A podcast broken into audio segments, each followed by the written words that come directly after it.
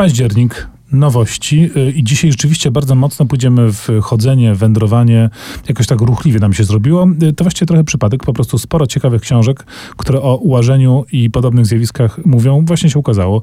Zacznijmy od y, książki pod bardzo obiecującym tytułem Szlak. Tak, ja w ogóle tą książkę zaproponowałem do lektury swojej znajomej, która jest właśnie taką łazikującą osobą bardzo, która z pewnym obrzydzeniem powiedziała, nie, nie, nie, nie, nie, to na pewno nie dla mnie, jestem praktykiem, a nie teoretykiem chodzenia. Natomiast jest to jakoś tam zrozumiały e, pierwszy odruch, ale oboje wiemy, że chodzenie jest czymś absolutnie wspaniałym.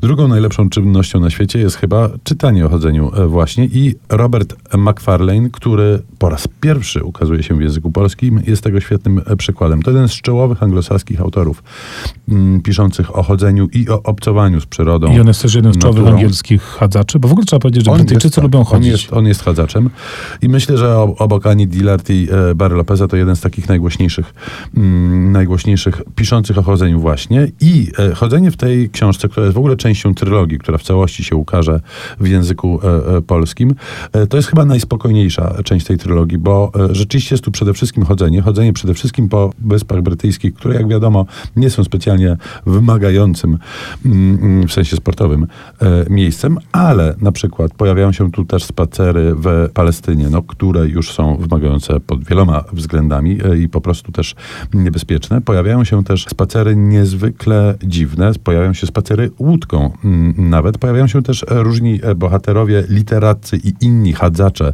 z przeszłości Wysp Brytyjskich, przede wszystkim poeta Edward Thomas, który towarzyszy autorowi od początku do końca. Mnie najbardziej ujął spacer po wodzie. I to już jest Ale rzeczywiście pieszo w sensie po wodzie? pieszo po wodzie.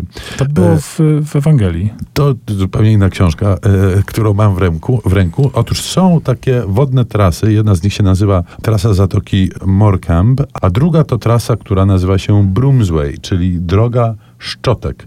I to jest tak, że wchodzisz na wodę, drogi Tomku, i idziesz podwodną no, drogą tak naprawdę, która znajduje się tuż pod taflą e, wody i wszystko e, byłoby fajnie, gdyby nie to, że czasami e, pojawiają się tam mgły i wtedy spadasz z tej drogi i toniesz w piaskach ruchomych czy innym bagnisku, ale no, ta droga ma blisko 10 kilometrów.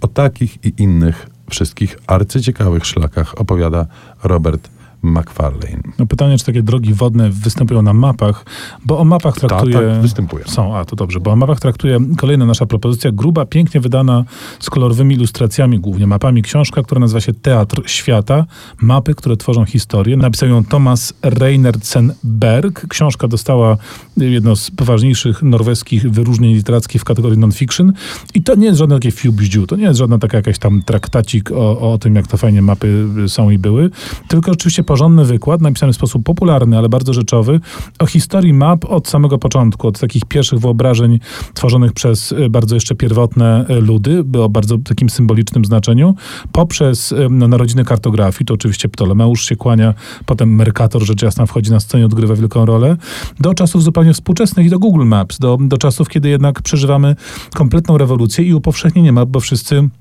Wspaniałe mapy, jakich nigdy nie było, mamy przy sobie zawsze w telefonach i innych urządzeniach nawigacyjnych. To jest No fascynujące. fajne jest to, że te mapy można w tej książce obejrzeć, zobaczyć. Jest ich bardzo, bardzo dużo. Tak, można zobaczyć i co więcej, nie tylko jest to taka historia map, no bo to samo w sobie jest interesujące, ale być może nie dla wszystkich. Ciekawe jest przede wszystkim to, co sam tytuł y, sugeruje. Berg y, stara się nam pokazać, że mapy są jednak odzorowaniem pewnego światopoglądu, pewnej wizji rzeczywistości. To nie jest tylko tak, że tu uliczka, tam drzewko i to przenosimy, tylko rzeczywiście one bardzo wiele, zwłaszcza w czasach historycznych, mówiły o tym, jak ludzie świat postrzegali. To postrzeganie świata, przyniesienie go na mapy jest częścią no po tak, i prostu ludzkiej cywilizacji. umacniały. Jednym słowem, czytanie map samych w sobie jest bardzo ciekawe, ale jak jeszcze poczytamy sobie o mapach książkę pana Berga, naprawdę wszystko ułoży nam się w fantastyczną całość.